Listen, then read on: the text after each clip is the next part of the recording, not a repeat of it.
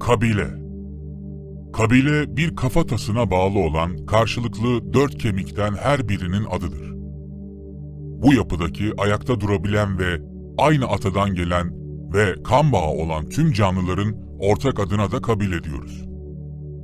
Bu kelimeyi aynı kabileden, aynı soydan, aynı ortak atadan anlamında kullanıyoruz. Elbette sonraki dönemlerde bu kavramın kullanımı daha bir dar hal almıştır.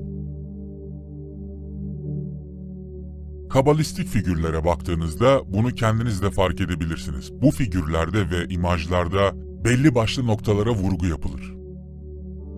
Kabala ya da Kabil, hesap kitap yapabilen, ekip biçen, tarım yapabilen kardeş. Habil ise onun tarafından öldürülen, sunduğu kurban Tanrı tarafından kabul edilen kardeş. Ama Habil'i elleriyle bir şeyler becerebilen ilk tür gibi düşünürseniz, belki de yenilmeye mahkumdu. Bilim dünyasındaki ismiyle Homo habilis. Ürettiği basit aletlerle hayvanlardan arta kalan leşleri sıyırabilmişti sadece. Ve bireysel davranıyordu. Oysa Kabil yani bir araya gelerek gücünü birleştiren kardeşler topluluğu, kabileler halinde ortak bir davranış sergileyerek diğer kardeşini ortadan kaldırdı. Etkisiz hale getirdi dersek aslında daha doğru olur. Hayatın doğal akışı, doğal seleksiyon.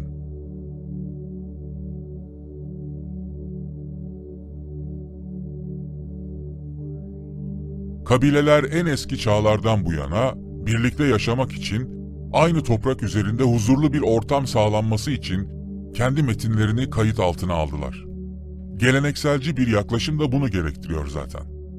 Daha sonra meydana gelebilecek herhangi bir sorunda önceki sorundan ders çıkararak hareket etmek bugün bile kanunlarımızda emsal karar ifadesiyle yerini almıştır. Şu anda ekranda gördüğünüz karar tarihteki ilk emsal karar olarak kabul ediliyor. Bu resimde özellikle Orta Doğu kültüründe karşımıza iki farklı yapı çıkar. Bedeviler ve Hadariler. Bedevilerin ne olduğunu hepimiz biliyoruz zaten tartışıyoruz da. Genelde göçebe biçimde ve taşınabilir çadırlarda yaşayan, yaşadıkları ortamı bir duvarla çevrelemeyen topluluklar bunlar. Geçim kaynakları sonraki dönemlerde ticaret yollarını tutmak, haraç ve yağma ve en eski dönemlerde avcılık gibi faaliyetler. Hadari ise yerleşik biçimde yaşayan Bedevilerin aksine çadır yerine kerpiçten ev yapmış ve belki yaşadığı bölgenin sınırını belirleyerek duvarla ya da çitle örmüş kalabalıklar. Yani artık şehirleşmenin ilk adımlarını atmış, mahalle ve köylerini oluşturmuş kabileler belki. Onlar da bedeviler gibi ticaretle uğraşıyorlar ancak buna ek olarak artık yerleşik bir düzenleri olduğundan tarım da geçim kaynaklarından bir tanesi ve belki en önemlisi. Bu iki yapının birbirine ihtiyacı var. Birinin yani Hadarilerin en büyük ihtiyacı koruma ve kollama, gözcülük. Diğerinin yani Bedevi'nin en büyük ihtiyacı ise mesela en önemli ihtiyaçlarından bir tanesini şu anda belirtmek gerekirse yeni doğan bebeklerin bakımı. Aslında o da bir nevi koruma ve kollama. O yüzden Bedeviler çocukları olduğunda Hadari olan yerleşik bir kadını süt anne olarak seçerler ve bebek belli bir yaşa gelene kadar ona teslim ederlerdi. Özellikle dil öğrenmesi açısından, konuşmayı öğrenmesi açısından. Hatta bu işi para karşılığı yapan soylu kadınlar dahi vardı. Önceleri bir adamın payına ganimet olarak girmiş ve daha sonra o adamın nikahlı karısı olmuş birçok soylu kadın bu yeni doğan bebeklere hem süt anneliği yapıyor hem de belli bir yaşa kadar konuşmayı, oturmayı, kalkmayı öğretiyordu. O yüzden kimden süt emdiğin, konuşmayı hangi kabilede öğrendiğinin önemi büyük. Süt ve kan bu kabileler arasında iki önemli kavram. Çünkü nesep yani soy en çok övünülen meselelerden bir tanesi. Görüyorsunuz değil mi? İşler karmaşıklaştığında hayatın akışı içerisinde hangi kavramlar nasıl yerini alıyor? Tabi geleneklerin bu şekilde kayıt altına alınarak ve sınır kapılarına gözcüler koyarak homojen biçimde yaşamak pek mümkün değil. Çünkü nüfus arttıkça ihtiyaçlar da ona göre artıyor. Bu sorunun çözümü ise komşu kabilelerle ilişkiler kurmaktan geçiyor. Bir araya gelen daha uzaktaki başka kalabalıklarla önceleri ticaret amacıyla başlatılmış ilişkiler zamanla başka biçimlere de dönüştü. Örneğin ortak bir düşmana karşı birlikte savunma yapmak ya da birlikte hareket ederek birbirleriyle savaşmamak. Bu ilişkilerde evlat edinme, çocukları takas etme, bu kabilelerin birbirine uyguladıkları garanti yöntemlerinden bir tanesiydi ve tabii en önemlisi birbirlerinin çocuklarıyla evlendirme. Ve tüm bu anlaşmaları bir sözleşme etrafında belirlemek. Bu aşamadan sonra işler daha da karmaşıklaşacak. Çünkü sözleşme taraftarlarına bir de şahit gerekecek ve hakem. Ve bu hakemin tarafsız olması. İlk başlarda yazı olmadığı için verilen sözün altın değerinde olduğu bir dönem. Tabi bu sözü muhafaza edenlerin de el üstünde tutulması. Ancak tüm avantajlarına rağmen ticaret ve ortak davranışlar beraberinde yeni sorunlar da doğuruyordu. Örneğin yıllardır süre gelen ve korunması gereken homojenik yapının değişmesi. Bu Hadariler için en önemli meselelerden bir tanesiydi. Bir anlamda korunması gereken gelenekselciliğin kendilerinden olmayan, dışarıdan gelen bir kültürle iç içe geçmesi. Bu aşamada da işte farklı kavramlar ortaya çıktı. Homojen yapının bozulduğunu düşünen muhafazakarlar, yani eskiden bu yana ezberde olan geleneğin korunmasını savunanlar ve zamanın getirdiklerine, yeniliklere ayak uydurmayı savunan asriler yani çağdaşlar. Bu iki fikir de Hadarileri tarih boyunca birbirine düşürmüştür. Çağdaş kelimesini burada olumlu ya da olumsuz anlamda kullanmamalıyız. Bu ifade zamanın akışına uyum sağlamak isteyenler olarak da değiştirilebilir. İşte bu iki kavram yıllar sonra adları ya da üzerlerine yüklenen misyonlar değişse bile ilk kabile kültüründen bu yana vardı ve her zaman var olacaklar. Bir tarafta geleneklerinin bozulmasından korkanlar, diğer tarafta etraftaki farklı kabilelerle ve farklı kalabalıklarla etkileşim halinde olmak isteyenler, yani yenilikçiler.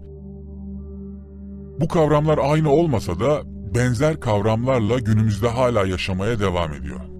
Şimdiki anlayışla küreselciler belki ve ulusçuları bunlara benzetebiliriz. İnsan o kadar karmaşık bir varlık ki, gördüğünüz gibi burada kavramların bile önemi kalmıyor. Kontrol ve irade el değiştirdikten sonra gelenekçi olan birden yenilikçi, yenilikçi olan ise aniden muhafazakar olabiliyor.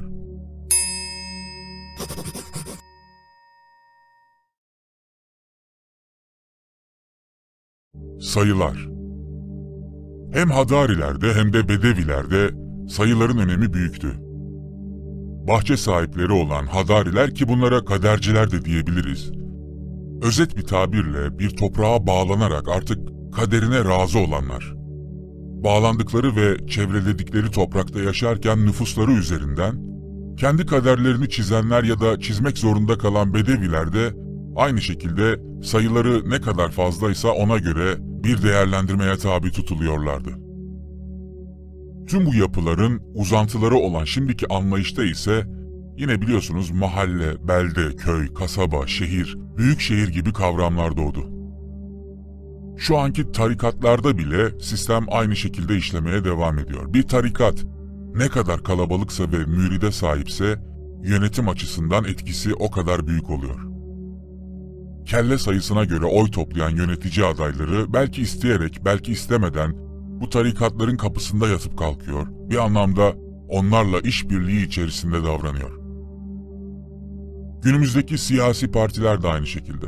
Ne kadar geniş biçimde teşkilatlanma içindeyseler oy oranları ona göre artıyor. Hatta ortaya koydukları kanunlarla ufak tefek partilere verilmiş oyları da kendi hanelerine yazarak yollarına devam ediyorlar. Tarikatlarla işbirliği içerisinde olmanın en büyük nedeni bir kişinin ağzından çıkan sadece bir iki kelime ile on binlerce oyu kendi hanenize yazdırabiliyorsunuz. Kiraya verilmiş akıllar tepeden gelen emirle kendilerine ait oy hakkını bağlı oldukları mürşidin işaret ettiği kişinin hanesine yazdığı için bu yöntemi kullanıyorlar. Bu durumda tek tek herkesin kapısına gitmeye gerek kalmıyor ve tek elden on binlerce kişiyi garanti ediyorsunuz. Bu yeni bir şey değil elbette. Eski dönemlerde de sistem aynı bu şekilde işliyordu. Kabilelerle tek tek uğraşmak yerine o kabilelerin bağlı olduğu yönetimi, munisipiyayı, beldeyi ya da vassal bölgeyi etkiniz altına alırsanız, o vassaldaki kabilelerin tüm kelle sayısına sahip oluyordunuz. Ve her zaman elinizin altında olan, yönetmiş olduğunuz bu kalabalıklar merkezi otoriteye karşı elinizde bir güç, bir koz haline geliyordu. Yeni bir şehir devleti kurmak isteyen Arapların bulunduğu bölgeye hem kuzeyden yani Gassanilerin bulunduğu tampon bölgeden hem de Sasanilere yakın bölgelerden Reşgalutaların, kralların ve onlara bağlı kabilelerin akın akın göçlere başlaması başka türlü açıklanamaz. Bu Reşgalutalar ve kralları kendinize biat ettirdiğinizde daha önce onlara bağlı olan kabileler de doğal akış içerisinde kaçınılmaz bir biçimde kazandığınız kelleler olacak. Ve bu kazanımla merkezi otoriteye karşı çok güçlü bir pozisyonda görüneceksiniz. Bizim ilgilendiğimiz dönem için konuşuyorum. Yani 600'lü yılların başlarında başlarda gizli olarak yürütülen bu derin organizasyonu ilk olarak ortaya koyan kişi benim düşünceme göre tabii bir Bizans generali daha sonra imparatorluğa yükselen Heraklius'un babasıydı. Yaşlı Heraklius. Her şeyi ince ince planlayarak merkezi otoriteye karşı özellikle dönemin darbeyle başa gelen imparatoru Fokas'a karşı büyük bir hareket başlattı. Yaşlı Heraklius'un namı 580 yılında Sasanilerle gerçekleştirilen bir savaşta tüm bölgeye yayılmıştı zaten. Ermeni asıllı olduğu düşünülen yaşlı Heraklius, Afrika eksarlığını yöneten kişiydi. Hatta bazı tarihçilere göre son kişiydi. Kartaca valisi. Fenikelilerin Kuzey Afrika'da kurduğu ve yeni şehir anlamına gelen Kartaca, kimilerine göre tarih boyunca her dönem Roma'nın başına bela olmuştur. Hatta Roma'nın etkin senatörlerinden Marcus Porcius Cato'nun ünlü bir lafı vardır hatırlayın. Her şeyden önce Kartaca yıkılmalı. Bana göre öncelikle Kartaca yıkılmalı şeklinde başlayan sözleri. Tabi Cato ile yaşlı Heraklius arasında asırlar var ancak Kartaca önceki dönemlerde yıkılmış olsa bile merkezi otorite için her yeni dönemde büyük bir tehlike teşkil etmiştir.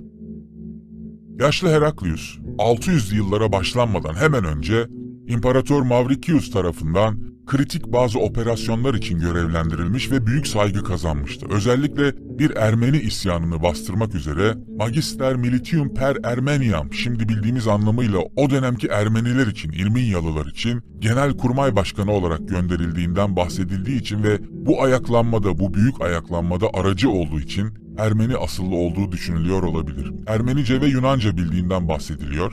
Nereli olduğundan pek bahsedilmez ancak o bölgede Roma kuvvetlerinin merkezi olan Theodosipoli üzerinde durulur. Şu anda bilinen adıyla Erzurum.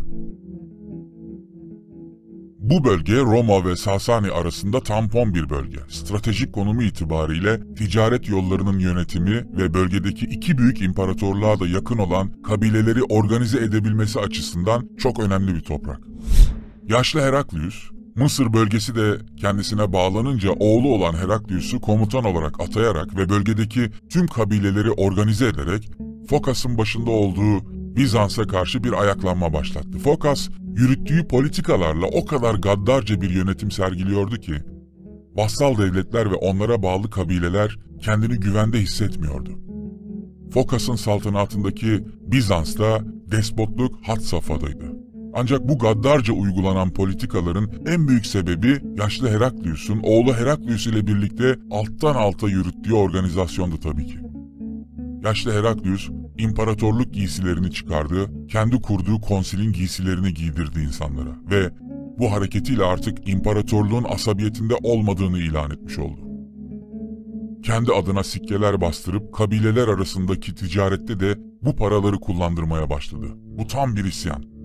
Tam bu dönemde Pers ve Sasani isyanları hatta işgalleri ayyuka çıkmış ve suikastler artmıştı.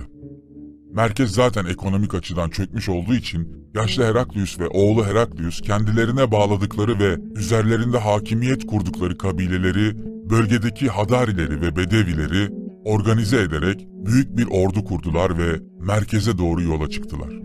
Hedef, önceki imparator olan Mavricius'un kellesini alan Fokas'ın kellesiydi.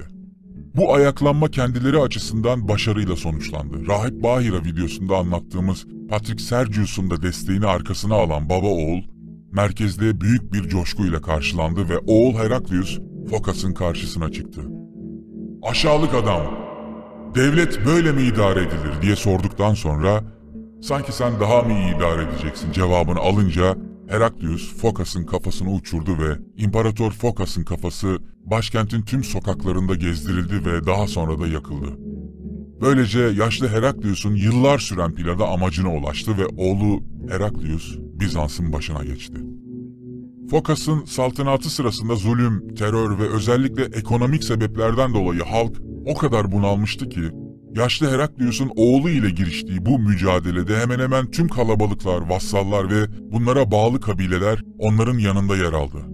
Heraklius'u adeta bir kurtarıcı gözüyle gördüler. Nitekim Heraklius ilk 10 yıllık icraatlerinin ardından Bizans'ı tekrar toparladı. Daha sonra aforoz edilen ancak bu mücadelede tüm olanaklarını kendisine ve babasına tahsis eden Patrick Sergius'a iade-i itibarda bulundu. Hatta bununla yetinmedi, kiliseyi tekrar devlet işlerine dahil etti. Pers ordularını işgal edilen Bizans kentlerinden temizledi ve en önemlisi, en fazla önemlisi, büyük kalabalıkları etrafında toplayarak Sasaniler tarafından çalınan kutsal haçı Kudüs'e götürerek eski yerine yerleştirdi ve böylece Kudüs'ü ziyaret eden tek Bizans imparatoru oldu. Bu arada kutsal haçın yeniden yerine yerleştirilmesi ona destek veren Patrick Sergius'un en büyük amaçlarından bir tanesiydi. Yönetimde olduğu dönem boyunca Doğu kiliseleriyle anlaşma yoluna gitti Heraklius ve kilise içinde sürekli tartışılan İsa'da tek bir iradenin varlığı kavramını kabul etti ve hatta 638 yılında Ektesis adıyla bir ferman yayınlayarak bunu ilan etti.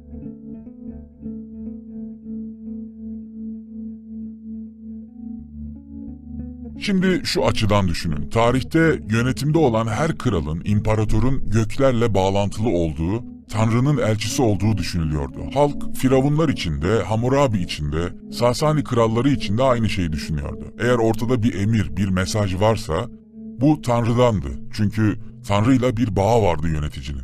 Bağı vardı ki orada oturuyordu. Bizim hikayemizde de merkezi bir otorite var ve bu otoriteye bağlı vassal şehir devletleri var. Bir de yönetimi ele geçirmeye çalışan ve düzeni değiştirmek için uğraşan merkezi otoriteye muhalif derin bir güç var. Az önce anlattığımız yaşlı Heraklius gibi. Ve bu gücün irtibat kurduğu vassalların içindeki muhalifler var. Merkezi otorite vassallara gönderdiği mesajların ilahi olduğunu ve Tanrı'dan geldiğini söylüyor. Aynı şekilde merkeze muhalif olan derin yapıda vassalların muhaliflerine aynı telkinde bulunuyor ve gönderilen kendilerinden gönderilen mesajın ilahi olduğunu ve Tanrı'dan geldiğini söylüyor. Elinizdeki metinleri bir de bu açıdan düşünün.